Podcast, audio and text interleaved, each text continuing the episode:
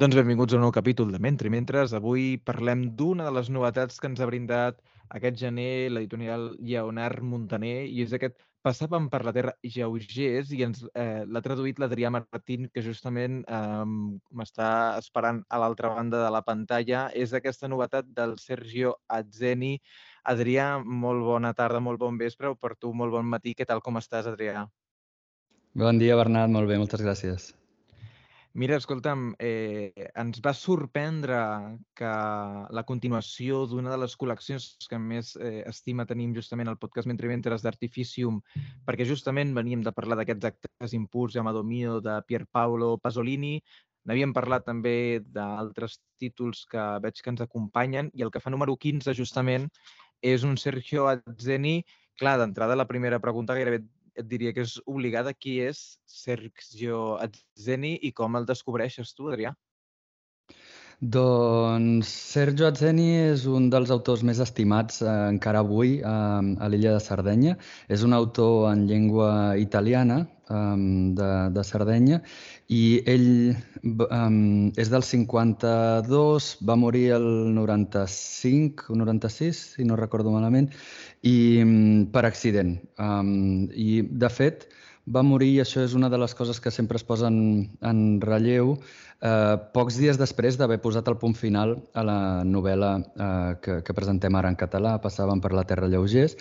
Eh, des d'aleshores, potser per aquestes circumstàncies, no? o potser també i aquesta és una de les meves eh, hipòtesis, potser també pel fet que la novel·la eh, explica la història de Sardenya des d'un punt de vista eh, fictici però molt romanticitzat, eh, doncs per aquests motius jo crec que encara avui la figura d'Atzeni és, un, eh, és un dels pilars de la, de la cultura sarda, fins al punt que um, bé, aquí doncs, tenim algunes obres com aquesta en català, se n'han traduït un parell al castellà, alguna cosa en francès, però a dins de, a dins de Sardenya um, s'han fet adaptacions cinematogràfiques d'obres seves, eh, adaptacions teatrals, adaptacions musicals... Um, per tant, és una figura molt i molt present i molt estimada encara avui. Uh -huh, uh -huh eh, ens deies d'aquesta situació. Um, I doncs, si vols, podem fer també una radiografia general, i t'ho demanava ara fora de micro, del que és la literatura a Sardenya. Ho dic perquè eh, tenia notat justament eh, que Periscopi justament acaba de tornar a publicar Memòria del Buit del Marcello Foix. M'estaves comentant altres exemples, jo et deia no? que des d'ara va publicar una, un títol, La mare de la Grazia de Leda, que ara ja gairebé no es troba, què entenem per el que arriba? És a dir, què s'està publicant aquí en català de la literatura sardenya? Quina és, d'alguna manera, la idiosincràsia que estem llegint i, d'alguna manera, quina figura representa Sergio Atzeni davant de tot un seguit d'autors que potser no coneixem? Doncs Sergio Atzeni a vegades se'l presenta com un, una de les figures que encapçala o inaugura el que després n'han volgut dir la nova literatura de, de Sardenya. I mm, alguns títols que ens han arribat, eh, mm, alguns casos sí que són molt coneguts, no? com el de Miquel Amurja, que va tenir molt d'èxit, eh, sobretot a partir de l'acabadora, um, Marcello Foix, que s'ha reeditat ara, i, i fins i tot també crec que eh, de, de, en Pau Vidal ha traduït Sòriga, no? um, de l'italià al català.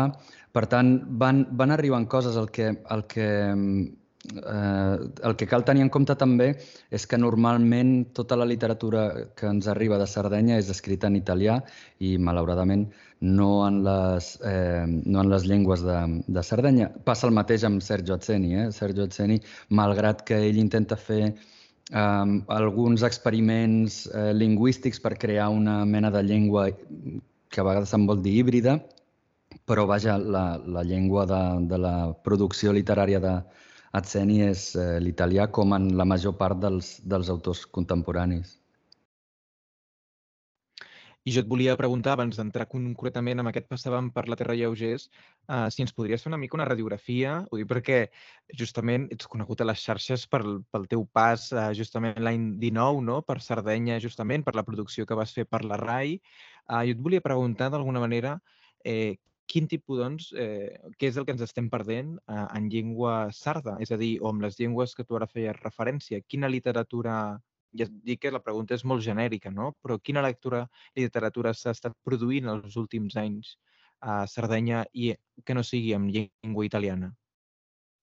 Eh, a vegades es diu que Sardenya és una illa només des de fora i que des de dins és un continent i eh, això té molt de sentit, especialment perquè és una illa molt gran. Eh, jo crec que eh, les persones que venim des, de, des dels països catalans a vegades no, no ens fem la idea de què vol dir una illa tan gran. No? Eh, en realitat són com dues terceres parts de Catalunya i si bé és conegut el cas de l'algarès, no? el català de l'Alguer, um, que és una illa lingüística i sabem que existeix, eh, crec que no, som, no coneixem tant altres llengües i altres cultures que tenen un, un recorregut similar al, a la de l'algarès. Hi ha el lígur tabarquí que es parla a l'extrem um, sud-oest uh, de l'illa i tot el nord és pràcticament uh, de llengua corsa o de transició sardo-corsa. Per tant, quan, un, quan algú es mira el mapa de l'illa de Sardenya, sempre veiem tots aquest, totes aquestes illes lingüístiques no? de coloraines diferents um, i, i això ho fa encara més complex. També pel fet que totes aquestes llengües um, no tenen, potser el català de l'Alguer seria la que, la, que té, la que està en un punt més avançat d'estandardització de, de model de llengua, però clar, això fa molt complicat, fa molt complicada la producció textual. Eh, hi ha molta poesia, per exemple, en les llengües de Sardenya, molta, molta, molta. Um, si, um, si algú ha estat a l'Alguer, és fàcil adonar-se no? que pràcticament sembla que hi hagi més poetes que, que persones a, a, a l'Alguer. Eh, I això és una cosa molt, molt positiva. No? Eh, en canvi, potser en altres gèneres és, eh, on, on el model de llengua condiciona més, és més complicat eh, fer producció. Eh, llavors, la poesia és una manera molt... Eh, és una bona via per entrar a, a conèixer les literatures de Sardenya. En novel·la, per exemple, hi ha alguns intents i sobretot eh, doncs més, més recents sí que hi ha com, una, com alguns intents d'explorar de, de, aquesta via, eh, però vaja, en qualsevol cas és eh, marginal i, i dona una, una, una imatge molt dramàtica del que és la desertificació lingüística no? i del que ens pot arribar a passar a qualsevol de les altres cultures no hegemòniques del Mediterrani o del món. Mm -hmm, mm -hmm. Justament ara que feies aquesta reflexió, jo pensava no? que aquest eh, títol que has traduït per Leonard Montaner, que eh, aquí no, és de l'any 96. Aquest títol, l'any 96, si l'haguéssim d'intentar inscriure dins de la tradició literària italiana, eh, potser se'm seria força difícil. I suposo que d'aquí el fenomen no també que se li suma tota la... No sé si has fet també aquesta, aquest disc, o tu has pensat també en aquesta lògica, dins del, doncs, els autors italians que estan escrivint als anys 90 a Itàlia, eh, si hi hauria una continuació, una lògica del que està fent aquí, passàvem per la Terra Lleugers, eh, Atzeni? Um, Atzeni, una cosa que, que a mi m'agrada destacar-ne és que eh, ell es guanyava la vida, entre altres coses, traduint. No? I, mm. i entre, entremig de la seva faceta de traductor, doncs anava sempre recollint idees no? o deixant-se influenciar per les, eh, per les obres que traduïa um, en, la seva, en les seves obres de creació. Eh, mm. En l'àmbit més acadèmic, sempre les persones que l'han estudiat posen de relleu el fet que, eh, que eh, algunes de les obres que havia traduït de la literatura postcolonial del Carib no? Influenci, eh, influencien directament o afecten directament um, aquesta última obra de, del Passàvem per la Terra lleugers. Un altre, des d'un altre punt de vista, també eh, quan algú es llegeix Passàvem per la Terra lleugers és molt evident la influència del, eh, del realisme màgic no? de, del, de, la fina, de finals del, del segle passat, eh, sobretot amb el boom de la literatura llatinoamericana. I, per tant, sí, eh, en, en certa manera, És una obra que en els anys uh, en què s'escriu recull una mica aquestes tradicions. Mm -hmm. Justament de realisme màgic t'anava a preguntar i, i alguna anècdota segurament trobaríem dins de la literatura italiana i concretament a Sicília, penso, però això ens portaria a un altre debat i una altra qüestió. Però sí que agafant-ho des de la dimensió de, de literatura, no d'aquest realisme màgic, que aquí nosaltres tenim calders, però podríem agafar altres exemples com tu ara deies, eh? si ens anem directament a, a l'Amèrica Llatina.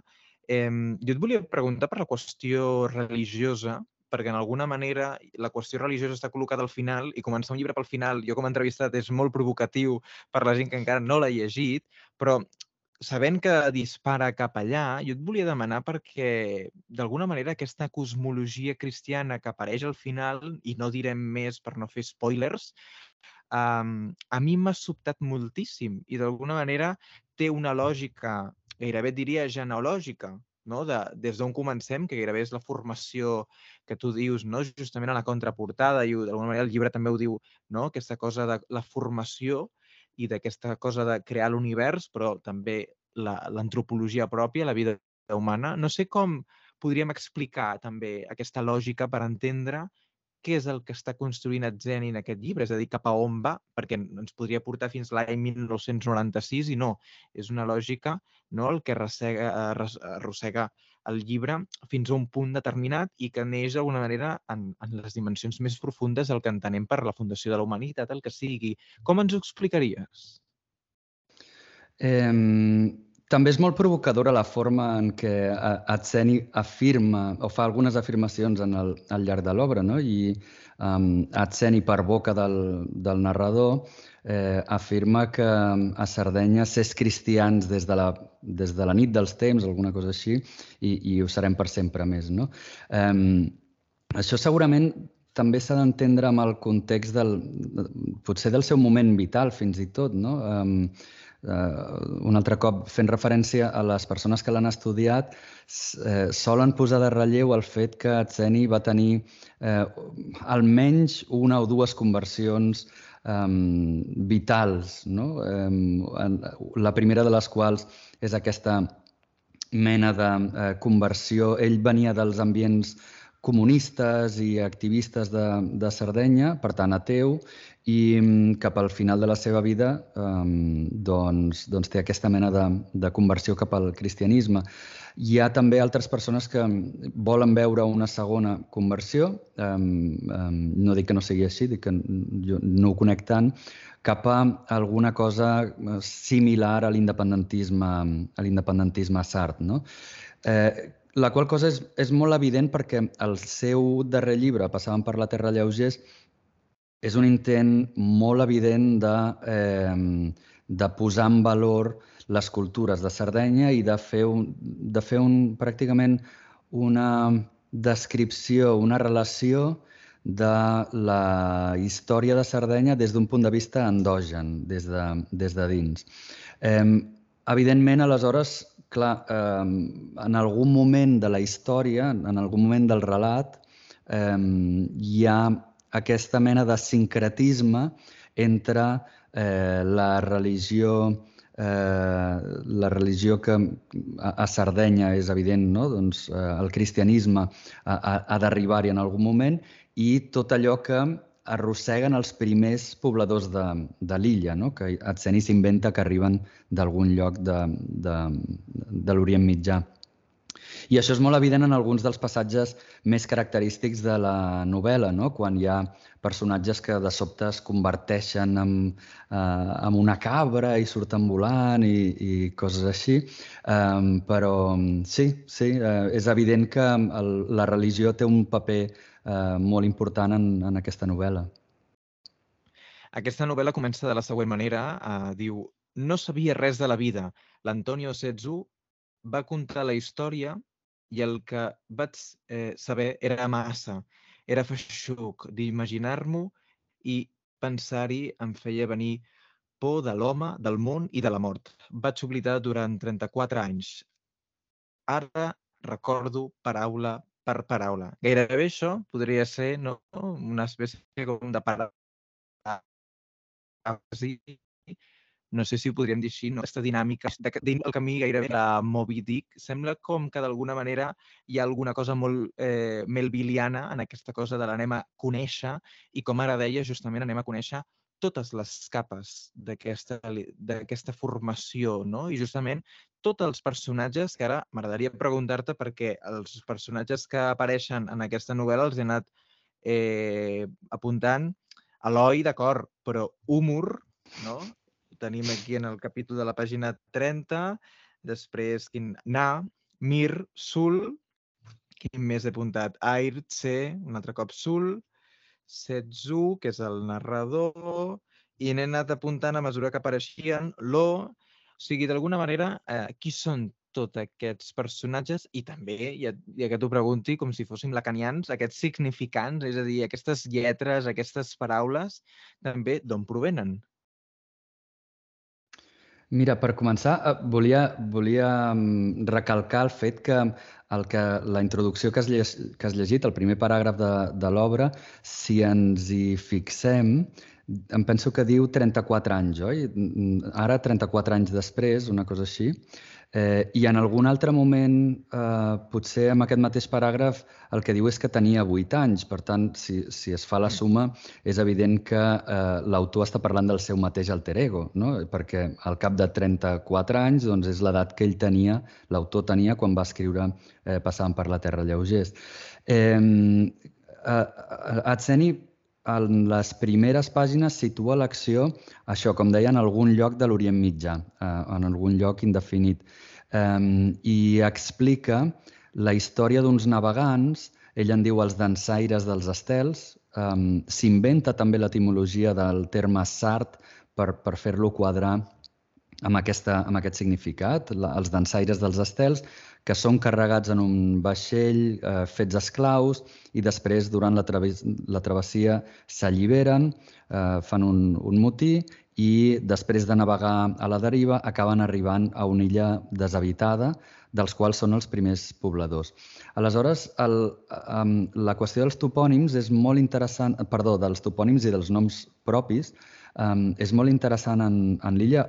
Els esmento tots dos perquè va molt lligat, no? perquè com que la novel·la eh, abarca tants, eh, un arc temporal tan vastíssim, aleshores eh, Atseni el que fa és utilitzar els noms per reflectir els canvis eh, en les èpoques. Per tant, és per això que eh, doncs a les primeres pàgines, sobretot, mm, trobem noms que, en la meva opinió, Atseni intenta fer que sonin exòtics o que ens puguin recordar doncs, el que vindria a ser l'àrea fenícia no? o d'aquella zona. I és per això que eh, fins i tot eh, hi ha noms que són impronunciables, no? Rc i Gr, que són dos dels capitostos d'alguns de, grups que posen en perill la supervivència dels, dels sards. Um, I després és, és molt curiós com van evolucionant no? um, els noms de persona i els topònims. Uh, una de les um, jo vaig anar prenent nota al llarg de la traducció perquè com anava prenent decisions una mica sobre la marxa. No? A mesura que apareixia un nom nou, m'havia de plantejar què feia. Um, per exemple, l'italià no utilitza articles personals. Uh, per tant, uh, si, si parlen d'Eloi, doncs Eloi um, no, no porta article. En català sí que en porta, no? i per tant doncs, diríem l'Eloi o, o Eloi. I, però clar, hi ha alguns personatges, com eh, això, un dels, un dels personatges de les primeres pàgines que s'escriu RG o, o GR, em sembla que n'hi ha, ha un parell, clar, com, com apostrofes això, no? NERC és gairebé impronunciable en, en català. Jo crec que aquesta, de fet, és, eh, ja quadra amb la intenció que portava l'autor, no? que és això de crear una imatge molt exòtica de qui eren aquests personatges. Eh, uns altres dels que has esmentat, aquests de eh, Ste, Air, em penso que era Air, mm. Ste i un altre que són, representa tres, tres germans, de fet, no sabem si són germans o germanes, perquè com que l'italià no porta eh, article personal i ens dona molt poca informació d'aquests personatges, eh, en algun cas, clar, jo he hagut de triar si eren nens o nenes perquè els he hagut de posar eh, l'article, no? I eh, el que estava dient és que, com que en algun moment em vaig adonar, al llarg de la traducció, que estava prenent decisions que potser en algun moment entraven en contradicció amb decisions que havia pres en altres moments de la novel·la. No? I, per tant, vaig voler començar a recollir de manera sistemàtica cada nom propi i cada topònim dels que apareixia a la novel·la. Per tant, em vaig fer un full de càlcul amb diversos fulls, un per als noms propis, un per a la toponímia, un per als termes sards i em penso que en tenia un també per, no sé si per les espècies o la natura, alguna cosa així. Uh -huh. um, però, vaja, fent un, fent un recompte ràpid, um, revisant el, les meves notes, em vaig adonar que dels que tenia escrits n'hi havia 124 de personatges. De topònims n'hi havia prop de 100. No? I, I cadascun, doncs això, amb, sovint doncs, estrafet, no? modificat amb intenció eh, literària. Um, també de diferents cultures, no? arriben eh, personatges de la, de la corona d'Aragó, eh, d'Itàlia, i, per tant, tot això ho feien tantes variables no? que era difícil eh, gestionar-ho. Però sí, la, la qüestió del, dels noms propis és central en, en aquesta obra. Les aventures també i la, quali bueno, la qualitat, la, la, la dimensió d'aquestes històries, si entréssim no, amb aquesta qüestió de faules que es van acumulant. La primera fa referència, i ho has resumit, no? al mar, i justament, com dius, no? Eh, et van exhibint eh, frases, eh, el narrador, el mar va sentir la pregària i es van calmar, o també el mar no és a fiar, va dir en la, en descobrir que era viu a la sorra blanca d'una petita platja i d'altres més, no? En canvi, el, el reguitzell, ara quan has dit la quantitat de personatges, clar, vull dir, és evident no? que passen al centenar. déu nhi doncs, la, la, això, no? la quantitat de registres també que li permet entrar en el terreny de la faula. I doncs, si ara te'n vas en el terreny de la formació, no? I, però estem parlant de marins, el que hi és sempre però és el conflicte i gairebé sembla una Ilíada construïda a finals del 20. Eh, sí, el, clar, eh, sent una obra de la literatura de Sardenya, és evident que el paper del mar hi ha de ser i és curiós també perquè a vegades el, um, um, la cultura, les cultures de Cerdanya tenen aquesta relació una mica ambivalent amb, amb el mar, no? molt, uh, molt desconfiats, um, hi ha dites d'aquestes de, no? de tot el, que, tot el que és dolent arriba pel, pel mar a, a Sardenya, hi ha aquesta relació una mica conflictiva que també és molt eh, evident en la, uh, en la novel·la.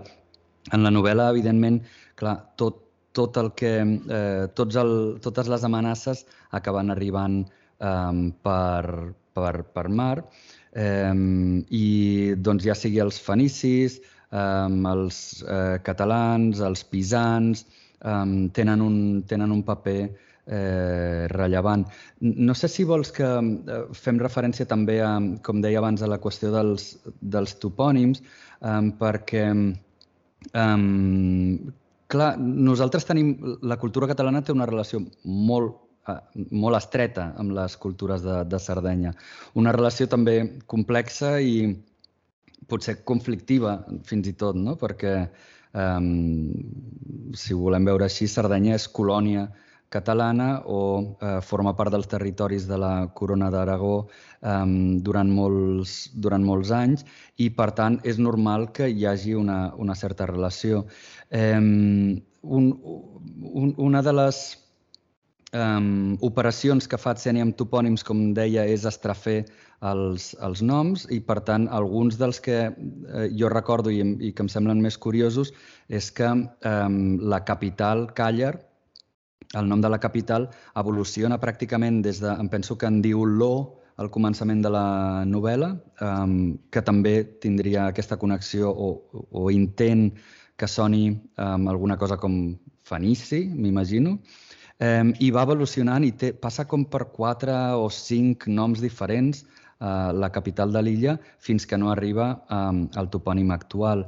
Um, i, no, I alguns d'ells són històrics, no? com, com Caralis, um, um, que, que, que existeix, però alguns, la majoria són inventats. No? Lo mateix, després en diu Car Alé, després Macar, i al final de la història s'acaba inventant fins i tot topònims com Callier, que no ha existit mai, almenys que jo hagi, que jo hagi pogut um, trobar en les, en les cerques que vaig fer en el seu moment, Um, I i s'alimenta justament perquè eh, el, el lector o la lectora tingui la impressió que, eh, que s'ha modificat la llengua per influències externes. No? En aquest cas, eh, el que em volia fer l'autor era doncs, subratllar o enfatitzar la connexió amb la Corona d'Aragó.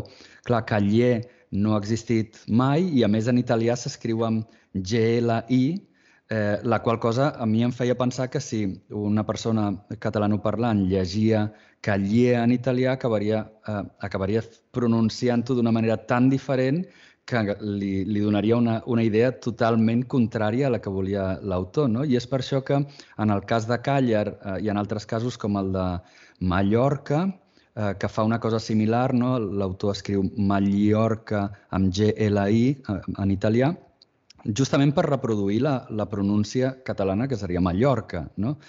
Eh, doncs aleshores el que, el que se'm va acudir a mi és que havia d'estrafer també aquests topònims d'una manera que la pronúncia que en fes un catalanoparlant eh, tingués també aquesta mena de veracitat no? fictícia.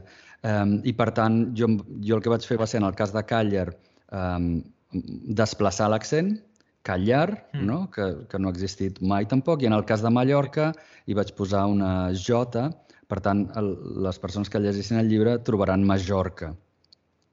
Exacte.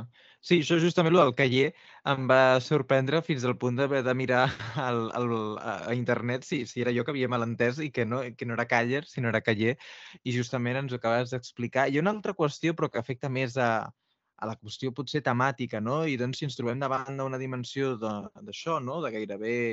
Em parlava d'una Ilíada o comparàvem també amb aquests aiducs del Paneti Strati per la qüestió no? de com s'expliquen les històries i ens fa difícil dir de quins temes parla, perquè gairebé hauríem de dir de quins no i començar a descartar. Però hi ha un moment a la pàgina 30 que justament els protagonistes són l'Eloi i l'Humur i comença a parlar de la felicitat i diu no sé definir la paraula felicitat més ben dit, no sé què deu ser la felicitat. Em sembla que he experimentat només de joia intensa fins a picar-me el pit amb els punys, al sol, sota la pluja o recer, cridant a vegades m'agradaria fer-ho i no es pot, ens, es consideraria signe de trastorn mental, o fins creure'm que caminava per sobre els núvols o l'ànima s'alleugeria i volava amunt fins a Déu. M'ha passat algun cop. És la felicitat? Tan breu? Tan poca? I doncs comença a dir, i això ja em sembla sublim, que és si existeix una paraula per dir els sentiments dels sars en els mil·lennis d'aïllament entre els noracs i les figuretes de bronze, potser és la felicitat. És a dir, no sé què és, però segurament alguna cosa al que li hem patit no? és, és el que entenem per felicitat i després això ho acaba aplicant, eh?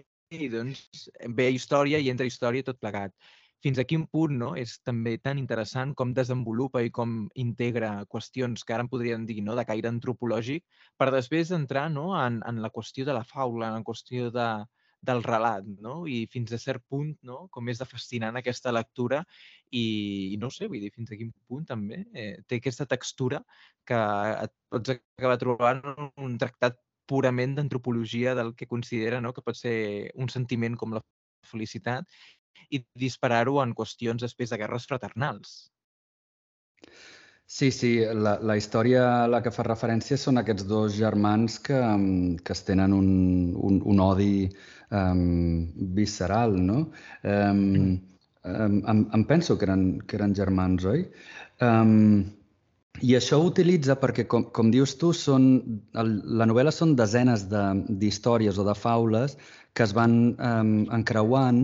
Um, hi ha um, el narrador principal, que és uh, això l'alter ego del, de l'autor, aquest nen de 8 anys, que en realitat el que està fent és repetir la història que li explica um, Antonio Setsu. Um, aquí, per cert, també hi ha un altre hi ha una altra curiositat i és que um, setsu és, eh, és un terme sart no? que és molt amagat no? I, i que vindria a voler dir alguna cosa com el vell. No? I això, clar, el públic catalanoparlant és difícil que ho pugui eh, identificar si no, si no coneix el Sart. Però m'agrada molt que hagis triat aquesta, mm, eh, aquests dos paràgrafs d'un dels eh, primers capítols del, del llibre, perquè a vegades és, és justament el que, el que dona peu a un dels paràgrafs més representatius de, de tota la novel·la i que dona un, pràcticament una fotografia d'aquesta mena d'Ilíada que comentaves, no? de com, um, de com um, una idea molt de moviment, no? que, de com es transformen um, la, com es transforma la vida a l'illa de Sardenya i, i de fet és el que conté el títol, de, el títol mateix de, de l'obra, no? Passàvem per la Terra Lleugers, és, és el primer, eh, la primera línia del paràgraf següent del que, del que estaves llegint ara mateix i a partir d'aquí, no? a partir d'aquesta metàfora amb l'aigua i de com, i, i de com um, l'aigua serpenteja, raja, salta, no? i va fent tota la descripció del cicle de l'aigua des que, des que um, neix a la muntanya fins que s'acaba transformant en, en vapor, en vapor d'aigua. Eh, de fet, el capítol acaba amb alguna cosa així com um, érem feliços a part de la bogeria de matar-nos els uns als altres, no? que és, és també molt curiós. Sí, justament és el que t'anava a dir, que arriba un punt de gore heavy, eh? O sigui, hi ha també inclús, no? Hi ha una cosa incorporada també d'una violència que justament, eh, vaja, no et sabria dir... Ara justament estem rellegint molt el barroc o la tradició barroca amb, amb autors catalans o amb d'altres, justament també des d'això, no? des de l'exhibició del gore i, vaja, si ens posem aquí, arribarem fins a Sèneca. Adrià, avui ha estat un plaer estar xerrant i portem mitja hora d'entrevista. Ens ha fet res, una, una especial, ja no només il·lusió, perquè nosaltres som força italianòfils eh, mentre mentres i vam, vam seguir amb atenció tot l'any que era centenari l'any passat Pasolini i hem fet altres coses i hi ha personatges que sempre que hi podem i aterrem i justament eh, que ens hagis descobert aquest Sergio Atzeni eh, ens, també ens encoratja a preguntar si hi haurà més sorpreses pel que fa a la literatura sarda o italiana o el que sigui. I no sé si poguessis dir o en català o un autor d'aquestes característiques.